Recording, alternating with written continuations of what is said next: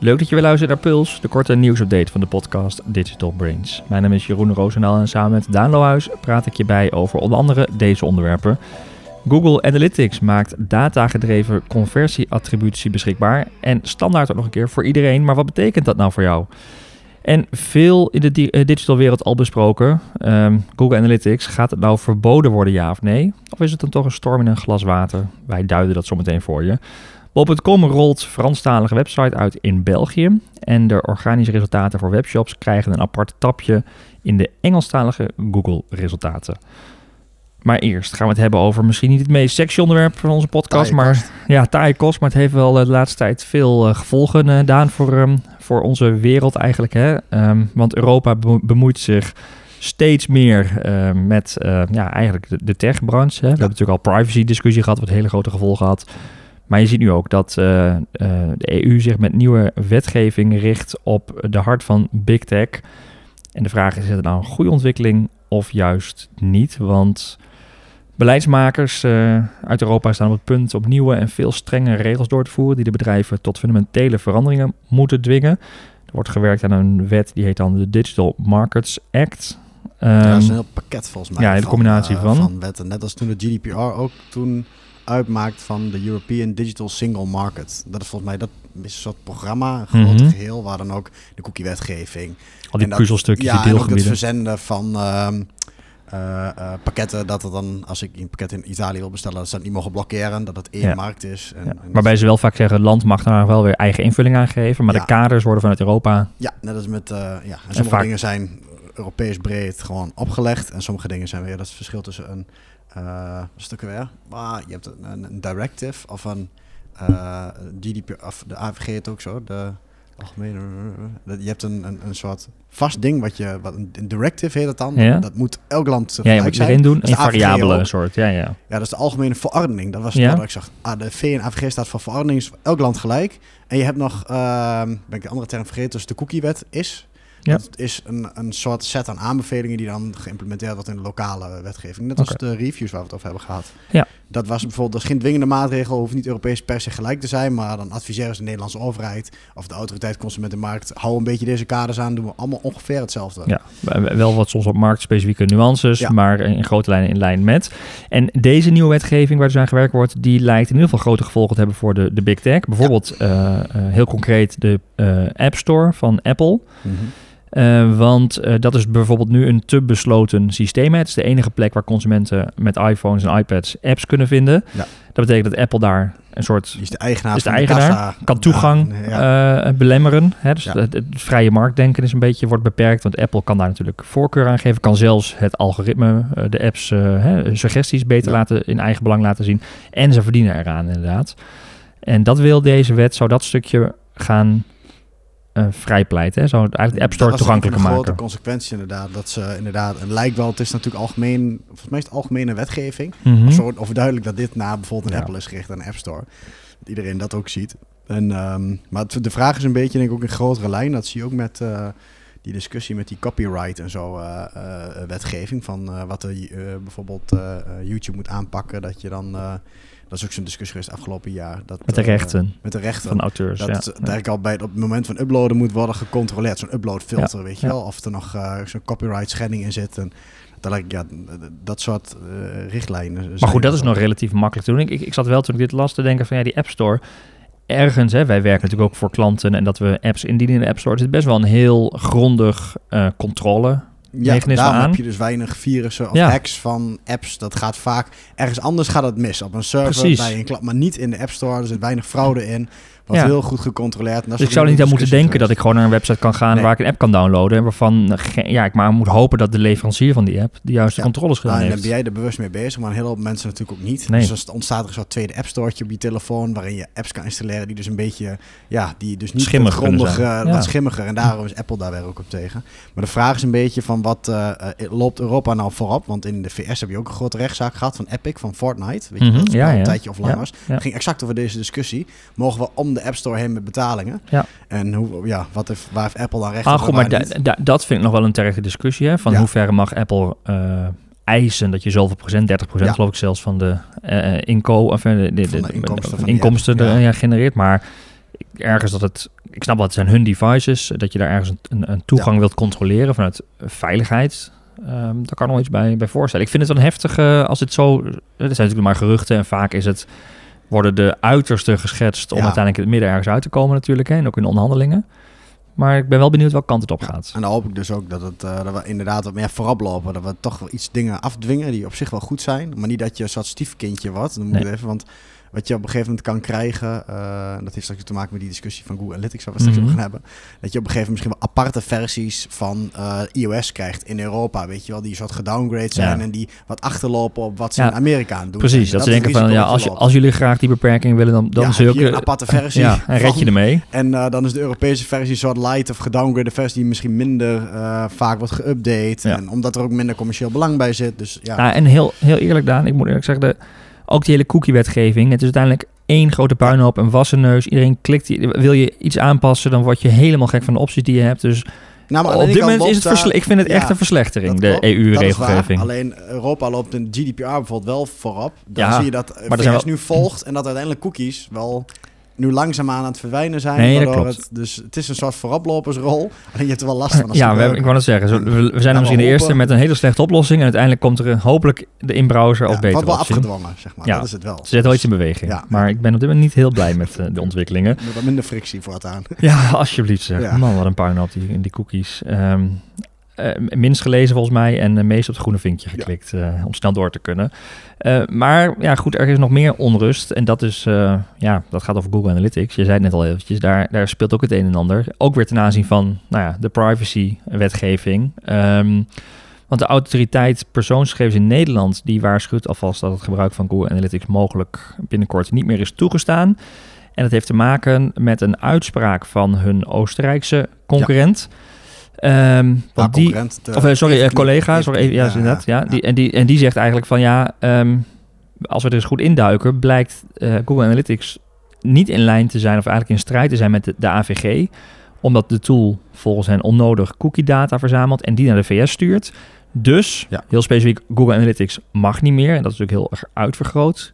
Maar als je dit concludeert voor Google Analytics, dan concludeer je het er ook uiteindelijk voor heel veel andere Ja, en dat is, tooling. dat is het punt. Want die eh, in Oostenrijk, dat is wel bekend, of in Duitsland heb je vaak die Max Schrems, dat is zo'n privacy-activist. Ja. Die gaat dus elke keer, die heeft een lijst van 100 Ja, die dient, items. En die gaat elke keer, die pakt er weer een van de lijst. En die gaat voor elke specifieke toepassing dit soort dingen vragen. Het is vorig jaar ook een keer gebeurd dat ze zeiden, ja, ehm, voor e-mail geldt dat ook. Bijvoorbeeld voor Mailchimp. Mailchimp, was toen ook al in het nieuws.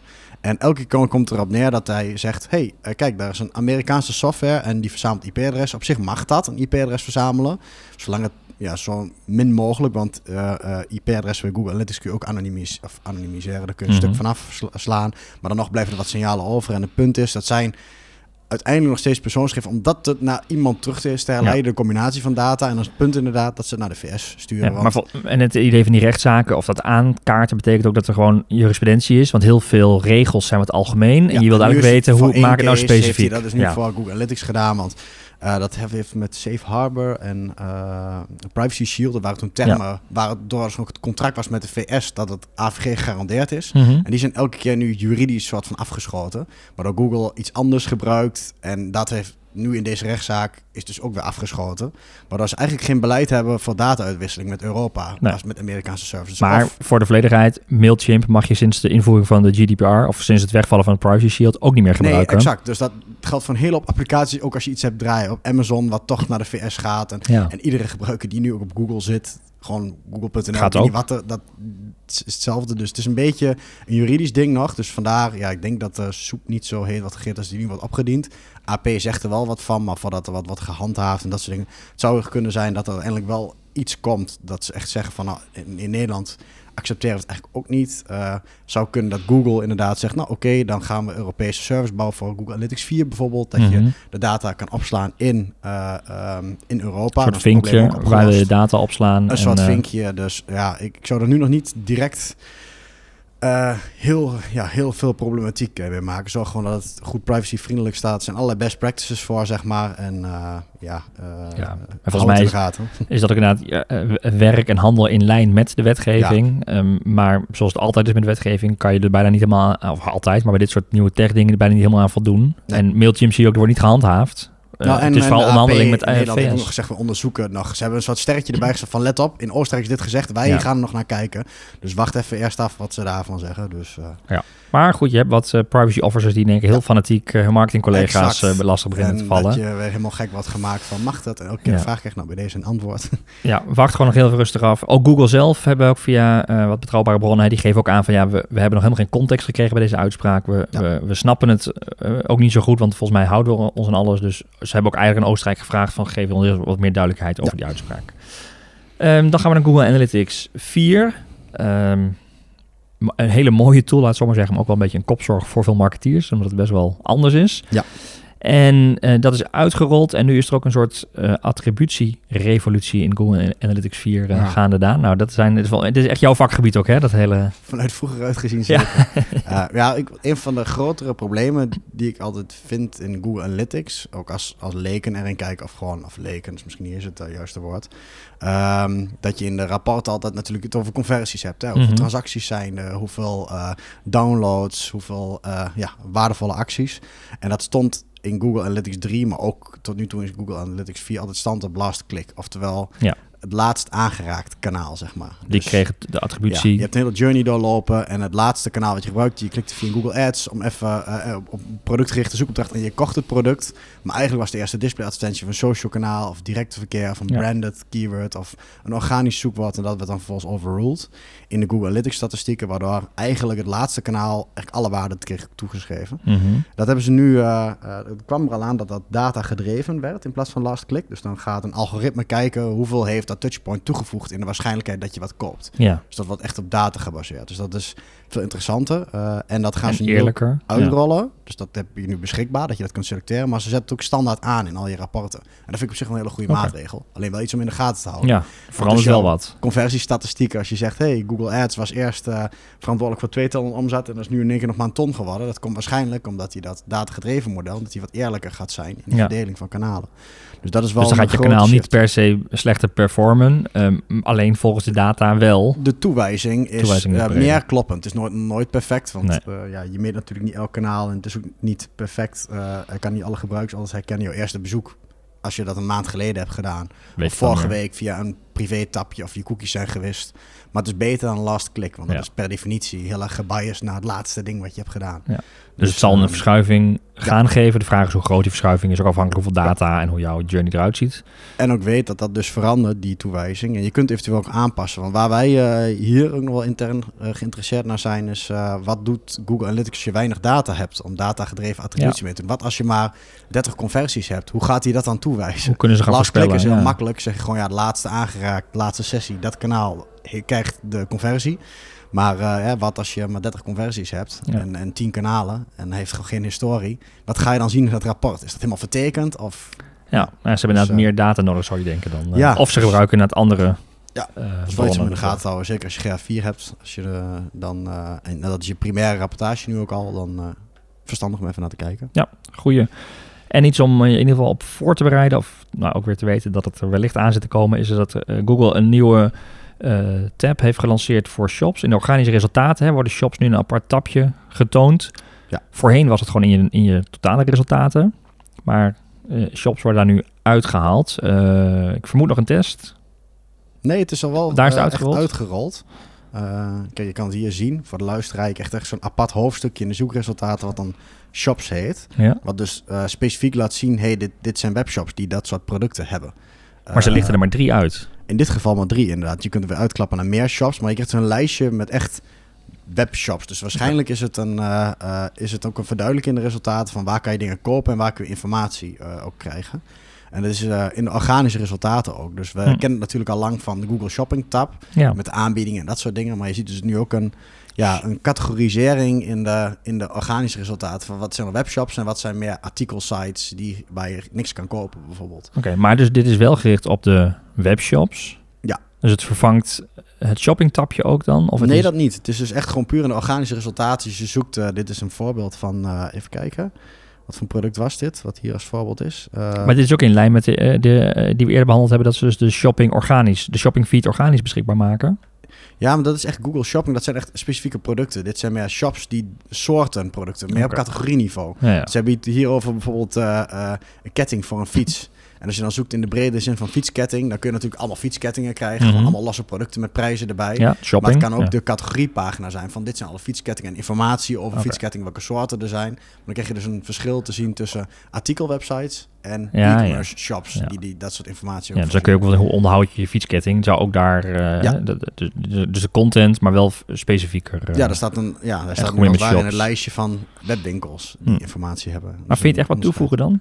Nou, ik snap het wel dat eh, op een gegeven moment heb ik zelf ook wel eens dat je in, in organisch resultaat niet helemaal duidelijk hebt of je nou naar een webshop gaat of meer naar een informatiewebsite, zeg maar. Ja. Dus iets waar je ook een checkout hebt. Dus ik denk dat ze dat verschil duidelijker willen maken. En het is dus gezien ook in de Engelstalige resultaten. Daar rollen ze altijd de eerste features uit. Ehm, en het is, het is niet een test, ze hebben het wel breed uitgerold. Ehm, alleen de vraag is nog natuurlijk hoe vaak duikt het op? Want het is niet standaard. Eh, Nee. eh, het is meer, ja, als het relevant is, dan laten ze waarschijnlijk het verschil te zien. Dat, er, dat, dat ze shop speciaal uit. eh, En als marketeer kun je daar nu niet direct heel veel wat mee doen. Eh, het is natuurlijk in het buitenland Engel, Engelstalig, hè, ja, Amerikaans, eh, de, de Google variant.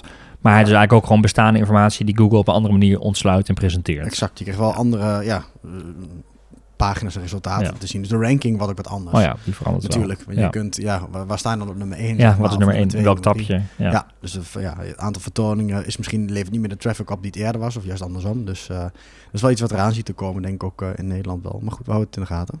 Oké.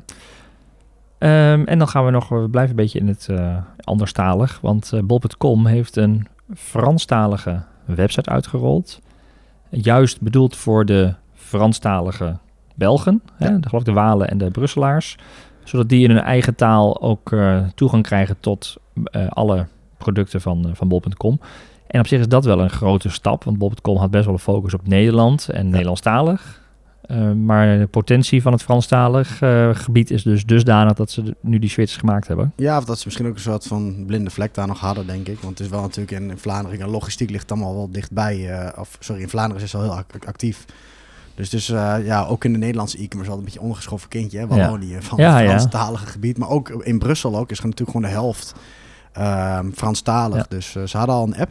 Ja, ik wou zeggen, die hadden ze al 20, ja, al heel lang. Uh, maar in bepaalde categorieën is nu kennelijk zoveel potentie dat ze ook zeggen: Nou, pak het helemaal erbij. En ook als je dus een retailer bent die verkoopt wat in België, is het dus ook met uh, ja, de, de, productvertaling en dat soort dingen. Uh, ja. ja. is het wel interessant dat je weet van ja, hey, um, dat hele stuk van België komt er nog bij. Uh, dat is relatief gezien behoorlijke groei. En het is vooral elektronica, huistuin, keuken en doe-het-zelf artikelen en luxe producten. Dat zijn de categorieën mm. waar Bol ook zegt... hey, daar hebben we echt serieus tractie ook op de Belgische markt. Dus zit je daarin uh, en heb je, ben je al verkooppartner bij Bol.com... is het interessant om uh, ja, daarna te gaan kijken. Omdat ja, eerder was dat gewoon... ja, hadden ze waarschijnlijk ook veel minder traffic... gewoon uit, uit Franstalig België. En ja. dat gaat nu waarschijnlijk wel toenemen. En is het dan ook een doorkijkje dat ze door rollen naar Frankrijk? Uh, bijvoorbeeld Hema heeft ook best wel wat ja. in Frankrijk uh, ja. gerealiseerd. Uh, Bol.com had wel heel duidelijk altijd Benelux, of in ieder geval Nederland en België als focus. Ja. Ze hebben natuurlijk niet het distributienetwerk wat ze, daar, wat ze wel nee, in ze België... Nee, de Aal Del Hersen natuurlijk. Dat, dat zit in België, wel, ja, België-Nederland. uh, nee, ik, ik, ik zou het niet weten. Ze zeggen er niks over, ze nee. zwijgen erover. Ik weet wel dat uh, Amazon natuurlijk in, in Frankrijk vrij groot is. En natuurlijk andere lokale marketplaces. Maar ik uh, ben benieuwd. Het zou een opmaat kunnen zijn naar een bredere uitrol. Uh, ja, wel het nu gewoon echt een, even een, een kleinere stap is naar het uh, Franstalig België. Hebben ze in ieder geval hele ja, Benelux. Uh, ik ben in Luxemburg trouwens misschien ook een Ja, weet ik eigenlijk niet. Maar in ieder geval België-Nederland. Of ondergeschoven ja. kindjes. Dat is dan nog een tree lager, denk ik, Luxemburg. Maar, uh, ja. maar goed, het zou natuurlijk wellicht zo kunnen zijn dat Aal Del, Del Herse toch ambitie heeft om in ja. Frankrijk uit te rollen en kan Bol.com daar meegaan. Maar los daarvan hebben ze natuurlijk op korte termijn in België een heel extra potentieel. Ja, deel waar zal zijn met, uh, met de fysieke winkels en logistiek is dat gewoon een logische stap.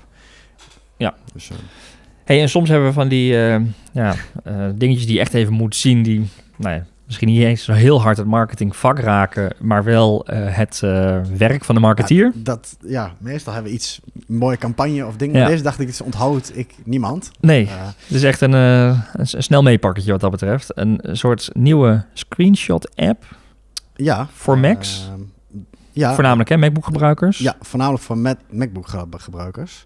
Um, en ik heb hem ook gezien, al voorbij zien komen, dat ik, ja, is het nou heb je er nou echt zo heel veel aan, maar jij vindt hem dus blijkbaar wel... Ik vind hem uh, ja, letterlijk noemenswaardig. Ik zal even kijken, dan heb ik gewoon de naam van de app. Ik, heb, ik gebruik hem al... Shotter. Ja, Shotter, maar dan moet je even spellen, denk ik. Ja, S-H-O-T-T-R.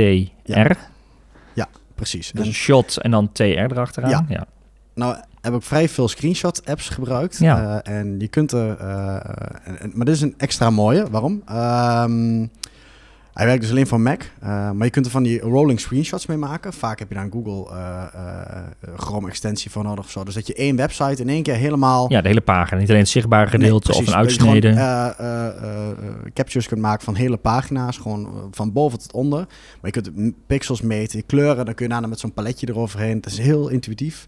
En uh, ook bijvoorbeeld een, uh, een, achtergrond van je venster transparant maken. Dus als je gewoon een, een screenshot wil hebben met een mooi Mac-venstertje eromheen, maar niet je bureaublad achtergrond, ja.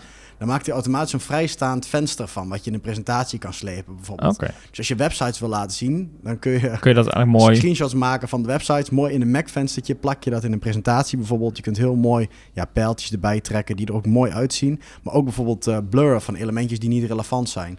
En je kunt ze op een intelligente manier wissen. Dus je kunt iets tekst een beetje blurred maken. Ja. Dat is bijvoorbeeld in uh, Google Analytics statistieken. Ja, die wil delen, maar je wil niet alles laten zien. Ja. Maar je kunt bijvoorbeeld ook een bepaalde icoontjes of een logotje even wissen op een slimme manier. Dus niet gewoon wit maken of weghalen. Nee. Maar dat hij echt uh, in een achtergrondje ook dat achtergrondje echt, overneemt. nee, ja, ja, dus het normaal van die lelijke blokjes eroverheen of uh, krijg je dat lelijk wishit. Maar dit is Ja. wel zit echt intelligentie om het, het is wel ge- gericht op het presenteren Het van. is echt eh, gericht op dingetjes, elementen presenteren om juist iets uit te lichten of ergens ja, afleiding weg te halen.